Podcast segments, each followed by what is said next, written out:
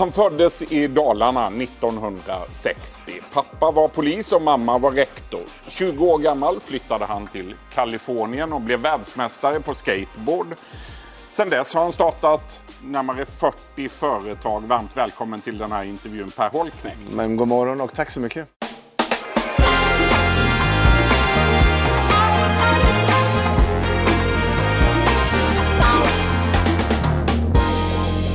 Du, eh, hur skulle du beskriva din uppväxt? Ja, men min uppväxt var en fin liten halv över medelklassförort i Falun. Växte upp i villa med höga förväntningar. Jag var en av de få som hade arbetande föräldrar bägge två. Min mor var den första kvinnan att lämna Mora för att låta utbilda sig utom socknes. när hon for till Kristinehamn för att bli lärarinna. Så både mamma och pappa var i karriären. Det var inte så vanligt på den tiden. Så jag hade barnflicka hemma vid och min far var en framgångsrik polisman. Så att det är många busar på kåken. Och ju fler busar du sätter på kåken, ju fler kommer ut från kåken förr eller senare. Och då hade vi väldigt, väldigt ofta livvakt hemma vid. Och far hade revolvrar gömda här och var i vårt hem.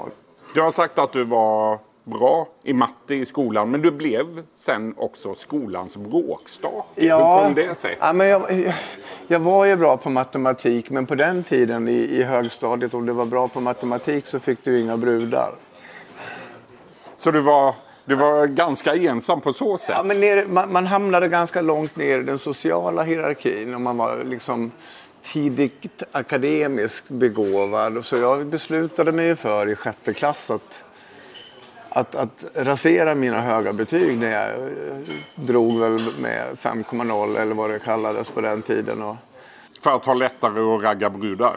ja, men för att hamna i coolare kompisgäng och så vidare. Man skulle ju vara full och slåss och trimma moped. Lyckades det då? Ja, det gjorde ju det. Jag, jag drog ifrån 5,0 till 1,9 på en termin i snittbetyg. Oj. Du Per Holknekt, sen blev du 16 år gammal och kom tvåa i Falumästerskapen i tårtbakning. Ja, stort. En av mina främsta meriter här i livet. Det hör då till saken att min kära far satt i juryn. Nej. jo, men man ska välja sina strider förstås. Uh, men, men det där är lite ganska små signifikativt för mig att jag, uh, jag, jag tar mig kanske an saker som jag inte borde hela tiden och att jag blev pilot till exempel är en produkt av min flygrädsla. Och det är så där jag har jobbat hela mitt liv. Du kom visserligen då bara tvåa i tårtbakningstävlingen men du blev bäst i världen på höjdhopp, på flipperspel, på eh, Nej, bäst i världen på flipperspel vet jag inte. Jag har en, en, en lag-VM-guldmedalj i, i flipper. Men, men just Skateboarden, där blev du bäst i världen.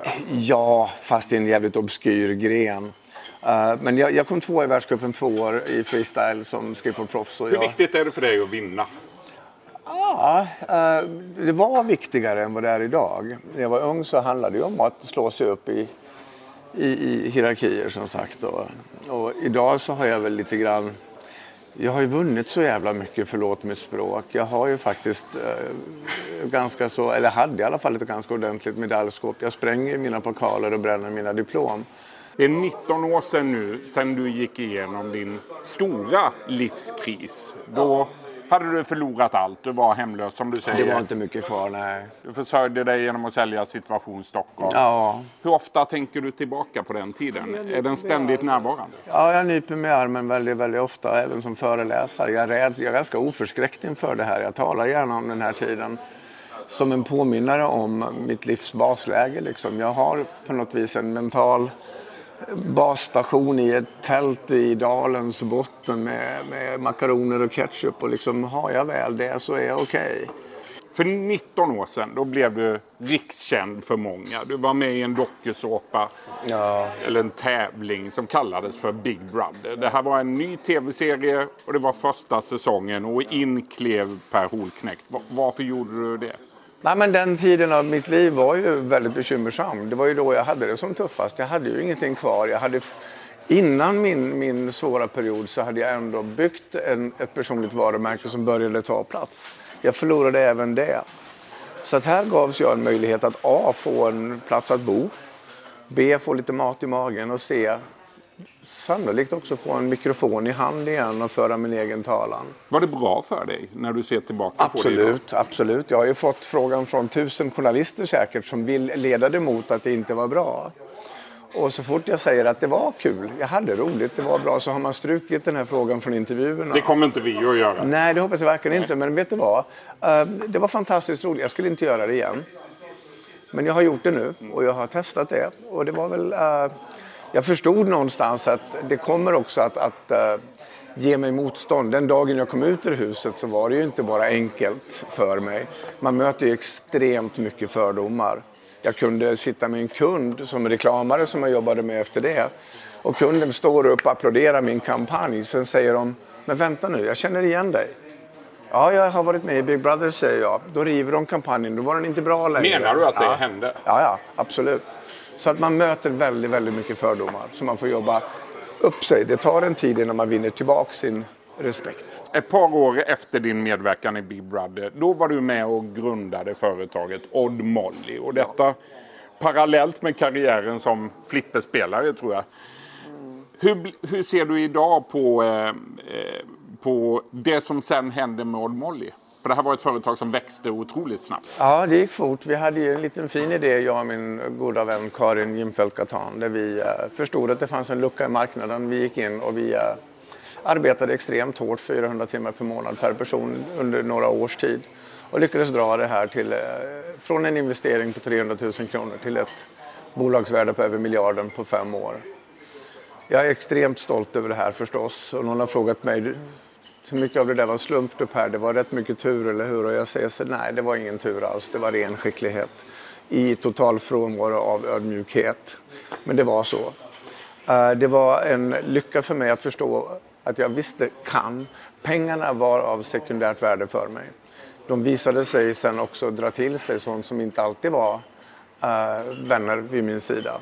Många ville dela på min plånbok. Och uh, jag, jag, jag, hamnade Och du var, delade generöst med dig? Ja, men en stund. För jag förstod inte att det var mina pengar man ville ha. Jag trodde att man ville vara min vän.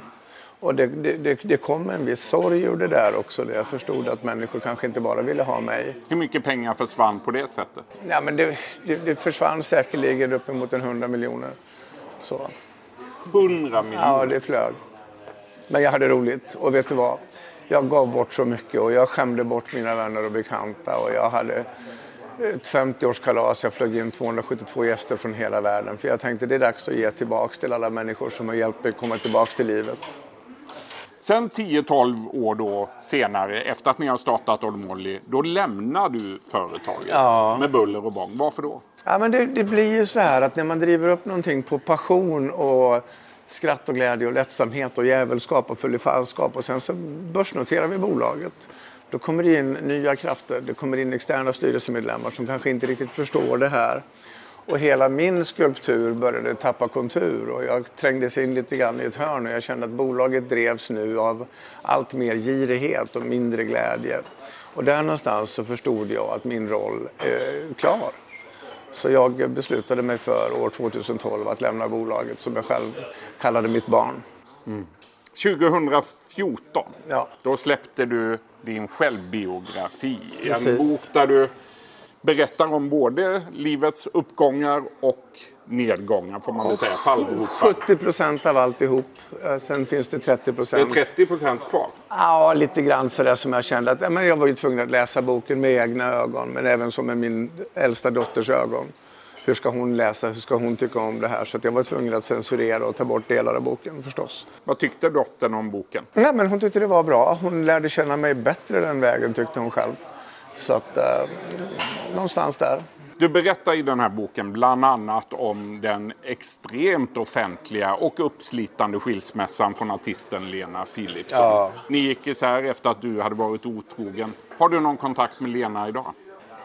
I den stund allt det här briserade och så var det ju liksom, jag gick ju förstås och, och, och i gömme du gömde dig i en sommarstuga? Ja, det var ju det var, det var ingen enkel period. Alltså man, man hamnade ju på pinne och folk laddade vapen till, från höger och vänster. Och Jag, sa till min, jag frågade min terapeut som jag då förlitade mig till. Jag tänkte att jag klarar inte det här själv. Jag måste få någon som berättar för mig hur jag ska hantera det här.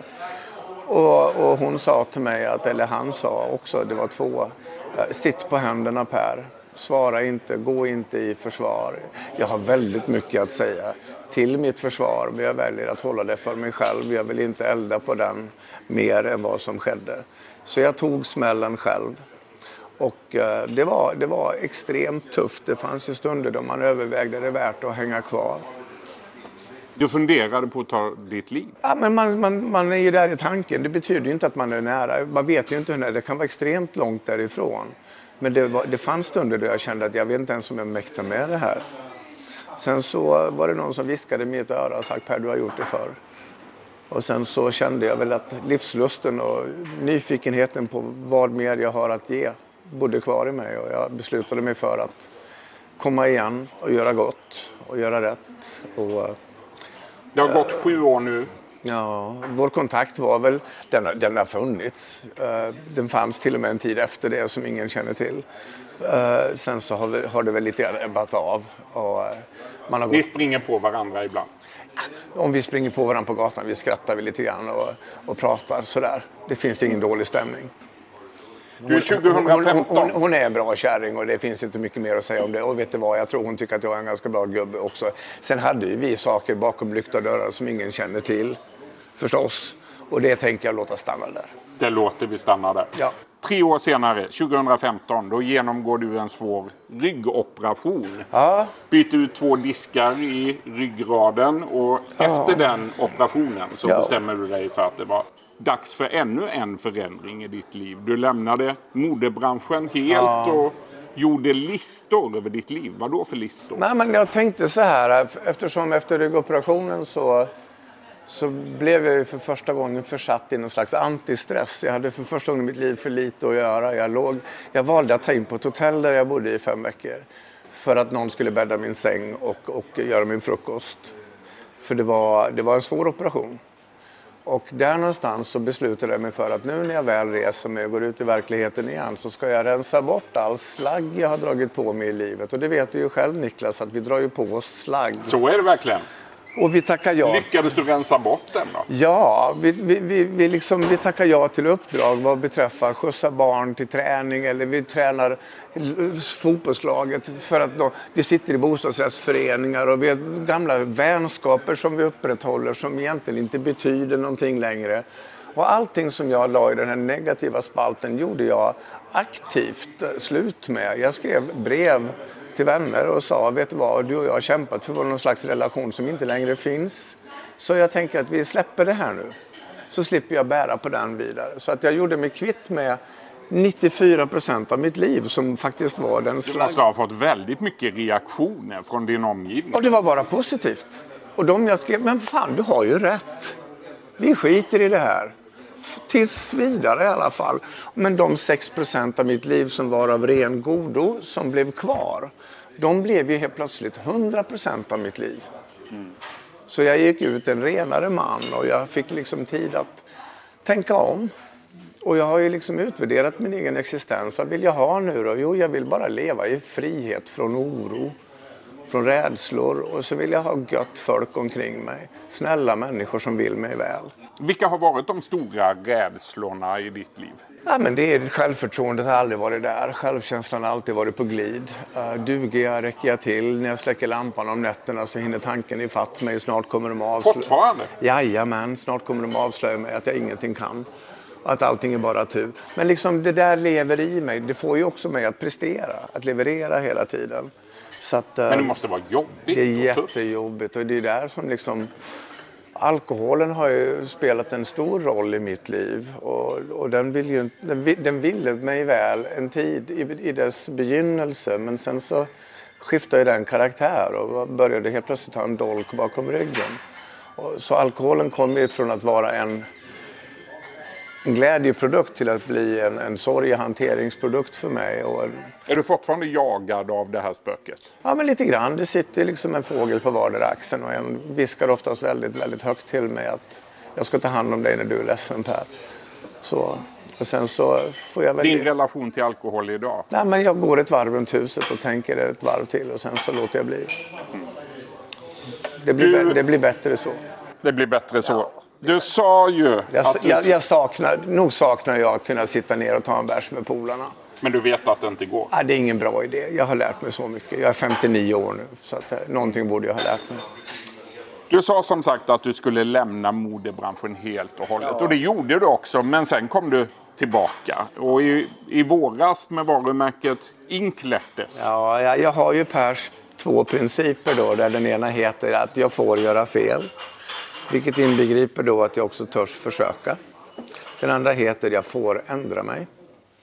Vilket gör att jag slipper leva med stoltheten som fiende i livet. För vi män framför allt bär ju på väldigt mycket stolthet. Köper vi en dålig bil så försvarar vi den i tid och otid. För vi kan aldrig förstå eller erkänna att vi har gjort fel. Men jag Har gjorde... kvinnor lättare att erkänna att de har gjort Och fel? mycket lättare. Det är samma sak som i kris. De ringer en kompis, vi tar fram hagelbössan. Alltså det, är, det är veritabel skillnad oss två emellan. Men jag beslutade mig för, eftersom jag har jobbat i modebranschen i 30 jävla år, så har jag fortfarande min radar där ute. Jag läser ju branschtidningarna, jag följer ju med. Och sen ser jag helt plötsligt att shit, det fattas någonting här nu. I den här nya handelsplatsen som ju inte alls är som när jag var där. Och, och då tänkte jag att ja, men den platsen kan jag ta. Så då gick vi in, eh, jag och, och Ylva Liljefors, en gammal guldknappsvinnare, och vi identifierade ett gammalt fotografi på ett plagg från tio år sedan som vi ritade då, som var ännu snyggare idag. Så tänkte jag, men shit, hållbar design. Vi gör ett plagg i en färg och vi gör den unisex så enkelt som bara går. Så sjösatte vi det här. Sen skickade jag ett mejl till hela modeindustrins stora magasin Habit och skrev att vi vägrar att sälja till näthandeln. Jag vurmar nämligen för den lilla gatuhandeln, centrum. Butiken. Ja, men butikerna, stan, där vi träffar människor. Vi gör ju inte det längre. Fan, konditoriet har ju stängt och Gretas garnbord finns inte kvar. Så jag vurmar för dem. Så när jag väl då höll de här stora nätdrakarna ute så gick ju för fan butikerna i Sverige upp i givakt för oss som äntligen tog dem i försvar. Och sen pang så gick ju det här som jävla tåget. Hur ser visionen ut framöver nu då? Ja, men vi vill nog bli en integrerad del i den stora internationella modeindustrin vad, vad det avser höstjackor, vinterjackor. Så den är, ju, den är ju där, den är ju på banan. Den är ett lekprojekt och kommer så vara en bra tid till. Och får jag bestämma själv så är den det för alltid. Du har fler projekt på gång. Oh ja. För tre dagar sedan skrev du kontrakt. Du ska skriva en ny bok. Och detta för Petter Stordalens nya bokförlag Strawberry. Ja. Vad är det för bok du ska skriva? Vilken, vilken jävla ära, kan du förstå? Det är inte enkelt att komma in på dem som nu är nya aktörer. Det de är tvungna att verkligen imponera på marknaden och de vill jobba med mig. Jag var ju tvungen att be om hjälp för att leverera en ny produkt till den marknaden. Så jag slog mig i lag med en kvinnlig professor vid London Business School och vi skriver den här boken ihop då, som är affärsvärlden. Det, sista affärsvärlden behöver är en till success story-bok. Det här litterära verket, eller litterära verket blir ju, blir ju en obstinat jävla prosa som, som kommer att sätta, sätta finger i midjan på traditioner, vända upp och ner på styrelseprotokollen, ifrågasätta slipsknuten och, och jävlas lite grann med ett litet leende på mun. Du, avslutningsvis då, i januari förra året, då gifte du dig för fjärde gången med Linda som är nej, 15 inte för, år. jag har inte gift mig tre gånger tidigare med Linda. Nu, Nej, inte det var ett Linda. syftningsfel från hans sida. Jag gifte mig med Linda och det känns som att jag gifte mig för första gången. Det kändes så. Ja. Vad var det som fick dig att gå ner och, på knä och Nej, fria men när till man Linda? möter, alltså, när jag träffade Linda så var liksom, vår första dejt var en veritabel katastrof. Vår andra dejt var en absolut total misär. Och sen där någonstans så började jag förstå att jag har betraktat denna kvinna okulärt och hon mig dito. Vi har sett till varandras vad vi håller på med och gör. Hon, jobb, hon är högt uppsatt inom banken.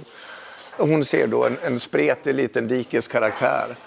Och, och de, de här går ju inte ihop när vi tänker på våra ämbeten. Sen så började vi någonstans gnugga på det där och förstå att men vad fan, det är inte det vi gör som är intressant, det är de vi är som är intressant. Och där började vi finna gemenskap. Och när jag förstod att jag kan bidra till den här kvinnans liv med lite roligt, lite fanskap och hon kan ge mig struktur.